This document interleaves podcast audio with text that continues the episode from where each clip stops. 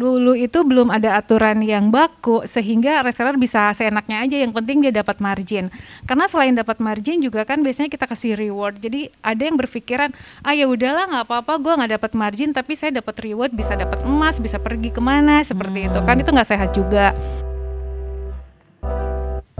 Rekaman ini diambil dari Modus Talk Meetup and Talk Show series bersama Trini Mediati Junior dari Dinai Scarf dan juga Tika Mulya, Vice President Elzata. Ini dia sistem reseller untuk menjual produk modest fashion. Sekarang kita ngobrolin nah Teh Trini ini lebih junior ya kalau ngomongin brand sama junior Elzata banget. lebih junior. Tapi dengar-dengar nih katanya dengar-dengar ini kalau yang pakai dinai scarf itu di mana-mana, apalagi kalau ke Bandung. Jadi berhubung aku asli Bandung, ini santer banget gitu. Kayak kalau misalnya dinai itu banyak dipakai terutama sama ibu-ibu sekolahan. Nanti kita mau dengerin langsung nih ceritanya Teh Trini. Baik, Bismillahirrohmanirrohim. Pertama-tama saya mau uh, menyapa ya Teh Hana, hatur nuhun udah. Ah maaf ya nih, ini ya loading ya. Atur nuhun udah ngundang, masya Allah tersanjung banget gitu bisa diundang di acara ini. Senang banget kalau bisa sharing dan sharingnya bisa bermanfaat untuk uh, semua gitu kan. Uh, saya Trini dari Dinei mulai usaha di usia berusaha di usia 42 tahun. Jadi hmm. sudah senja juga kan? Kebayang. Hmm, langsung semua kayaknya aku yakin di sini yang nyampe kepala empat aja pasti masih masih belum ada nih. Iya makanya ini. Jadi apalagi kalau dimulai usaha di usia muda itu harus lebih pasti insya Allah akan lebih hebat lagi seperti itu. Jadi Dina itu dimulai dari tahun 2014. Betul, 2014 di saat saya waktu itu masih bekerja di uh, eh, BUMN. Hmm. Iya, jadi muncul kegelisahan-kegelisahan akhirnya nggak tahu ya Bismillah akhirnya buatlah Dinai gitu. Seperti itu dimulai tahun 2014 itu di tahun pertama langsung ada reseller pertama dari Lampung. Nah itu dia. Jadi ini mau cerita aja ya. Ini kan cerita ya. Jadi di Nai di 2014 itu uh, muncul karena kegelisahan. Gak apa-apa kan diceritain ya. Muncul karena kegelisahan. Bagaimana caranya saya bisa keluar gitu kan. Uh, tapi saya harus tetap produktif waktu itu saya berpikir apa yang saya bisa gitu? Perasaan hmm. saya nggak bisa apa-apa ya ngapain? Saya harus begitu keluar saya harus tetap produktif gimana caranya? Cuman memang waktu itu pada saat saya masih uh, aktif di perusahaan BUMN itu sering dimintain teman-teman untuk misalnya kalau ada event ada perlombaan Trin bikinin baju dong buat lomba. Hmm. Trin bikinin baju dong kita mau segala macam kayak gitu. Nah itu happy banget gitu seneng banget cari kain sendiri, desain sendiri. Kalau udah jadi terus dipakai teman-teman kayaknya happy banget yeah. gitu kan. Terus saya berpikir, terus saya bisa apa ya? Ya udahlah, saya bikin baju aja kalau gitu hmm. gitu. Karena kan kalau misalkan saya pakai baju terus saya desain sendiri, rubah-rubah kan biasanya suka ada inspirasi segala macam, terus saya rubah sedikit. Saya pergi ke tempat jahit suka, "Itrin lucu" gitu. Oh ya udah tuh bikin aja gitu. Hmm. Nah, dari situ ya udahlah kalau gitu saya bikin baju aja. Jadi Dina itu mungkin sekarang dikenal tuh scarfnya tapi sebelumnya uh, sejarahnya itu di dari dari baju sih sebenarnya oh. seperti itu itu aku juga baru tahu. Aku pikir pertama kali scarf. Enggak, 2014 itu masih di baju baju-baju yang smart casual itu karena saya masih aktif menjadi karyawan. Hmm. Jadi saya itu akan membuat baju apa yang saya suka. Jadi setiap bikin baju ini saya mau pakai apa enggak gitu. Sampai hmm. sekarang. Jadi kalau saya bikin ACC baju dari tim, ntar dulu ntar dulu ini saya nggak mau pakai nggak nggak jadi gitu hmm. apa pun itu desain pattern apa pun itu saya selalu melihat kepada diri saya sendiri ini nggak mau gue pakai baju ini nggak akan mau hmm. gitu jadi setiap yang lulus akur kurasi itu pasti yang oh, oke okay, saya bisa pakai seperti hmm. itu oke terus ini gimana ceritanya bisa nah, ketemu reseller dari Lampung padahal nah itu orang dia, kan Bandung kan, Iya itu dia. Makan uh, waktu di 2014 itu uh, ada sudah mulai ada Instagram kan. Hmm. Jadi saya itu foto foto itu di kantor. Jadi di rooftopnya kantor hmm. sama OB. Sama OB. Serius. Jadi ya ke kantor bawa baju untuk difoto, terus sekarang kebetulan memang instagramable gitu kan. Hmm. Fotoin sama OB, masukin Instagram. Teh ini masih jadi modelnya? Tentunya. Semuanya asli itu jadi sendiri, mulai desainer, wah segala macam sampai admin semua sendiri. Jadi jangan khawatir, memang usaha itu insya Allah nggak ada kalau misalnya tapi kan saya dari nol saya dari min jadi saya bukan dari nol tapi dari min insya Allah kalau memang kita yakin ada niat juga insya Allah lah gitu nah lalu saya kan produksi cuma sedikit ya paling cuman satu lusin satu lusin juga ini deg-degan ini ada yang beli enggak Oh, gitu jadi kan jadi akhirnya lusin, satu lusin. call a friend Oh. call a friend beli dong baju gue gitu Ah. beli beli beli beli gitu gitu transaksi silaturahmi ya gitu ya. jadi Dibeli mungkin deh. orang beli karena belas kasihan jadi benar-benar produk saya itu dibeli karena belas kasihan gitu kan. Tapi happy aja gitu kalau udah habis gitu. Ah, habis gitu. Terus bikin lagi bikin lagi gitu difoto lagi. Nah tiba-tiba ada ting. Mbak, aku mau pesan ini dong, yang ini 12 pieces, yang ini 12 pieces. Kaget aku tuh, ya kan? Hah, aku bikinnya aja cuman 12 pieces atau misalnya kita datang kainnya cuman sisa untuk 5 atau 6 ya kita bikinnya sesuai dengan sisa kain gitu kan. Ini kaget banget. Hah, ini kok ada yang beli gini gitu. Tapi Mbak, aku cuman ada segini segini ya udah saya beli semua. Gimana? Bikin happy kan? Itu Masya Allah itu bikin happy jadi tambah semangat dong. Setelah itu jadi itu dari se resell- reseller saya yang pertama itu dari Lampung dan setiap saya bikin itu diambil. Hmm. Jadi kan akhirnya saya nambah kuantiti dong, nambah kuantiti tiba-tiba terus dari Kalimantan. Eh, jadi benar-benar itu organik. Jadi resellernya itu saya nggak ngerti eh, apa namanya Dia ngelihatnya dari mana tuh pernah ditanya? Instagram. Oh, dari Instagram. Dari. Instagram. Nah, terus dari Kalimantan, dari Kalimantan itu minta 100 pieces. Kebayang nggak? Hmm. Sementara saya bikin masih lusinan kan. Hah, ini minta 100 pieces, bener nggak sih gitu kan? Hmm. Boleh mbak, tapi saya bikin dulu ya gitu. Kebayang nggak sih? Jadi benar-benar organik. Sistem PO berarti ya yang pertama-tama. Jadi Iya. dia order dulu baru dibikinin Iya, ya. betul, Oke. seperti itu. Nah, ya berjalannya waktu, mulai dikenal, bermuncullah itu organik banget. Jadi nggak kita umumkan eh, open reseller, nggak gitu sih sebenarnya. Saya nggak ngerti juga mungkin waktu itu beberapa tok apa butik-butik daerah yang sudah punya toko mungkin perlu barang gitu kan. Jadi akhirnya eh, mencoba menjadi reseller Dinai. Jadi benar-benar kita buka resmi reseller itu eh, yang open reseller segala macam itu di 2016. Hmm, Seperti itu dulu itu. awalnya gimana? Apakah di ada iklannya atau dari mulut ke mulut atau Mungkin dari awalnya dari customer mul- yang beli banyak terus ditawarin gitu? mungkin awalnya dari mulut ke mulut dulu. Nah, di 2016 September itu kita baru mulai bikin scarf. Nah, itu sih Nah, sebenarnya scarfnya ya, si memang. scarf. Jadi Dinai sendiri di 2014, tapi scarfnya dimulai di 2016 bulan September waktu itu. Dan saat itu yang pattern scarf masih jarang ya. Pattern dengan scarf- warna yang bold. Iya, bukan. Jadi sebenarnya di 2016 itu sudah mulai hit eh, printing scarf, tapi bahannya bahan licin, mengkilat, terus bunga-bunga yang kayak bunga-bunga gitu. Besar-besar. Nah, ya kan, kebayang gak sih itu Enggak. yang waktu awal dari.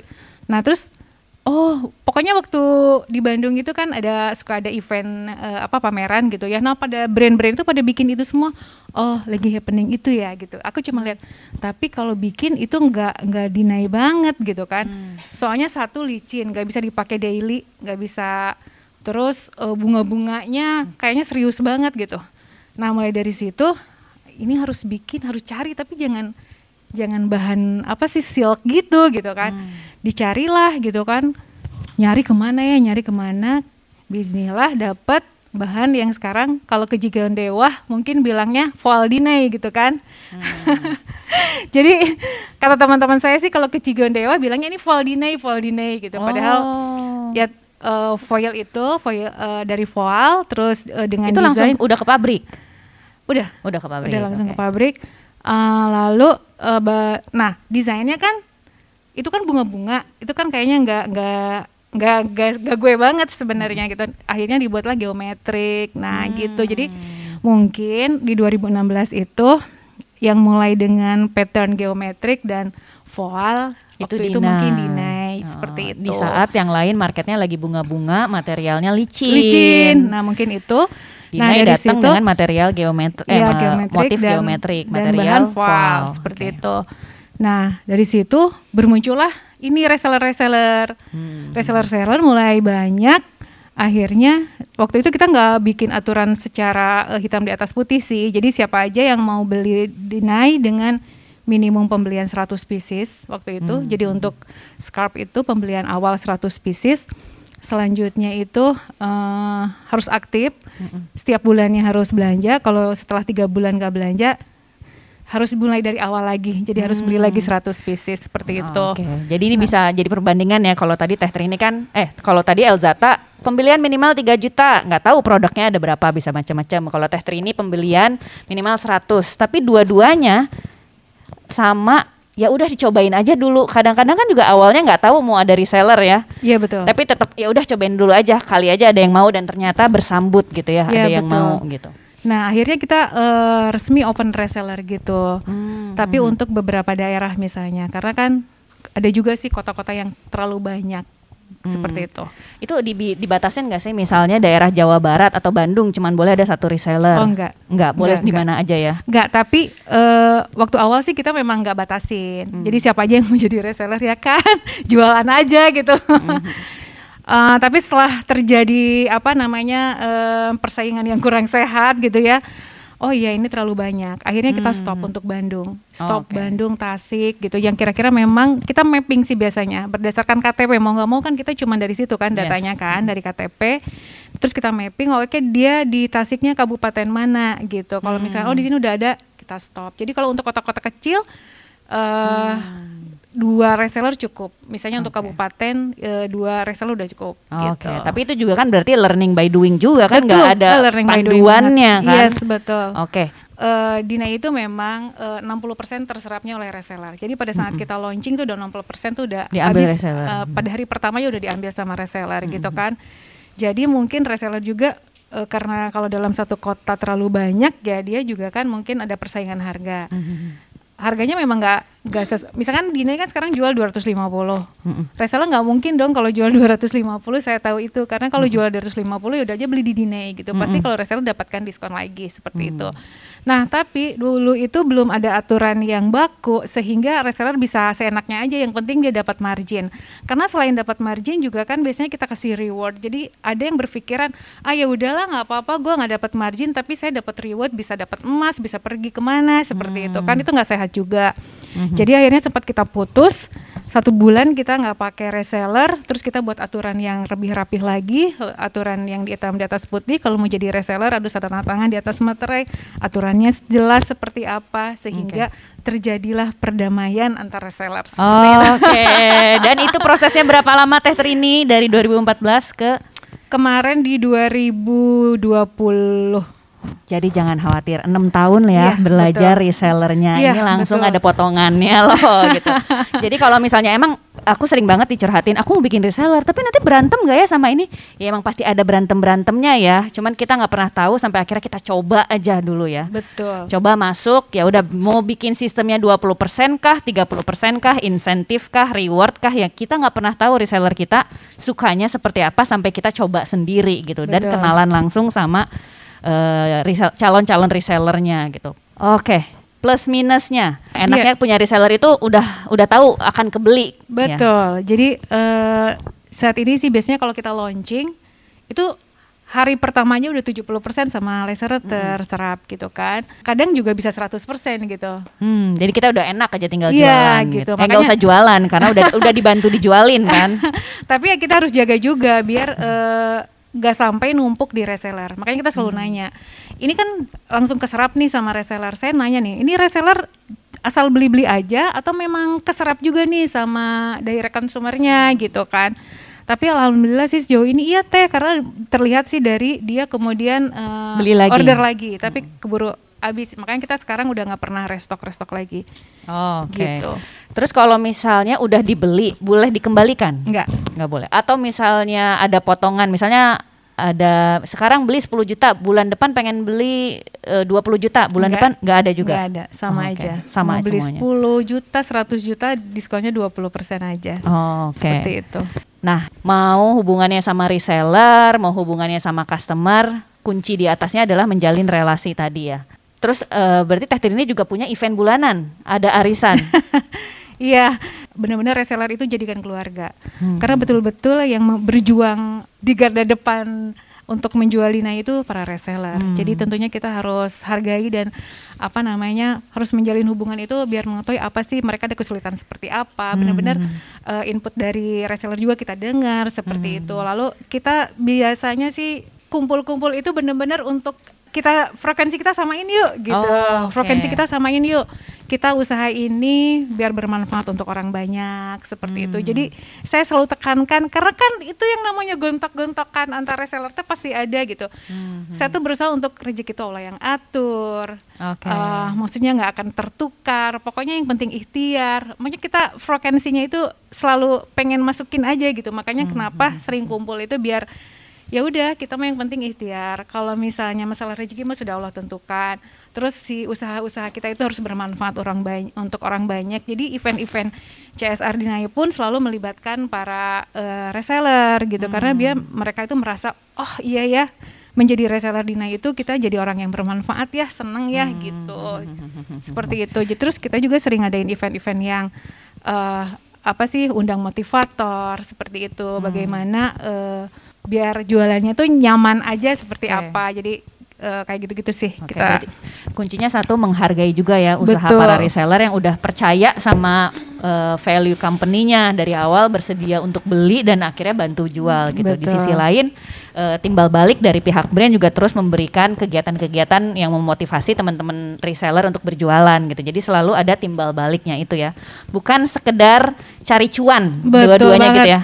Bukan sekedar cari cuan untung buy gitu ya, Iya. tapi harus ada eh, timbal balik dari setiap eh, pihak gitu. Dan Oh. saya happy juga sama tadi kayak Teh Tika itu kalau dengar reseller yang teh suami saya di PHK, tapi setelah saya produktif jadi reseller dinai, saya bisa menyekolahkan anak, saya bisa beli rumah, sama sih hal-hal yang gitu membuat saya alhamdulillah senang banget gitu kan. Nah ini nih aku paling suka nih dari eh, sharing voice note-nya Trini. Kalau setiap reseller sudah berikhtiar membesarkan brand kita, besar ataupun kecil hasilnya ya udah Iya, kita harus betul. memberikan apresiasi kepada semuanya ya. Iya. Kadang-kadang eh, kalau udah ukuran uang kita mau baik sama orang juga jadinya hitung-hitungan emang lu udah ngasih berapa ke gua gitu ya tapi sekarang nggak nggak melulu tentang besar kecilnya eh, kontribusi itu Iya, tapi betul. diapresiasi setiap usahanya ya Iya, betul. kalau gitu terima kasih Baik, terima udah kasih sharing. waktunya. Thank you.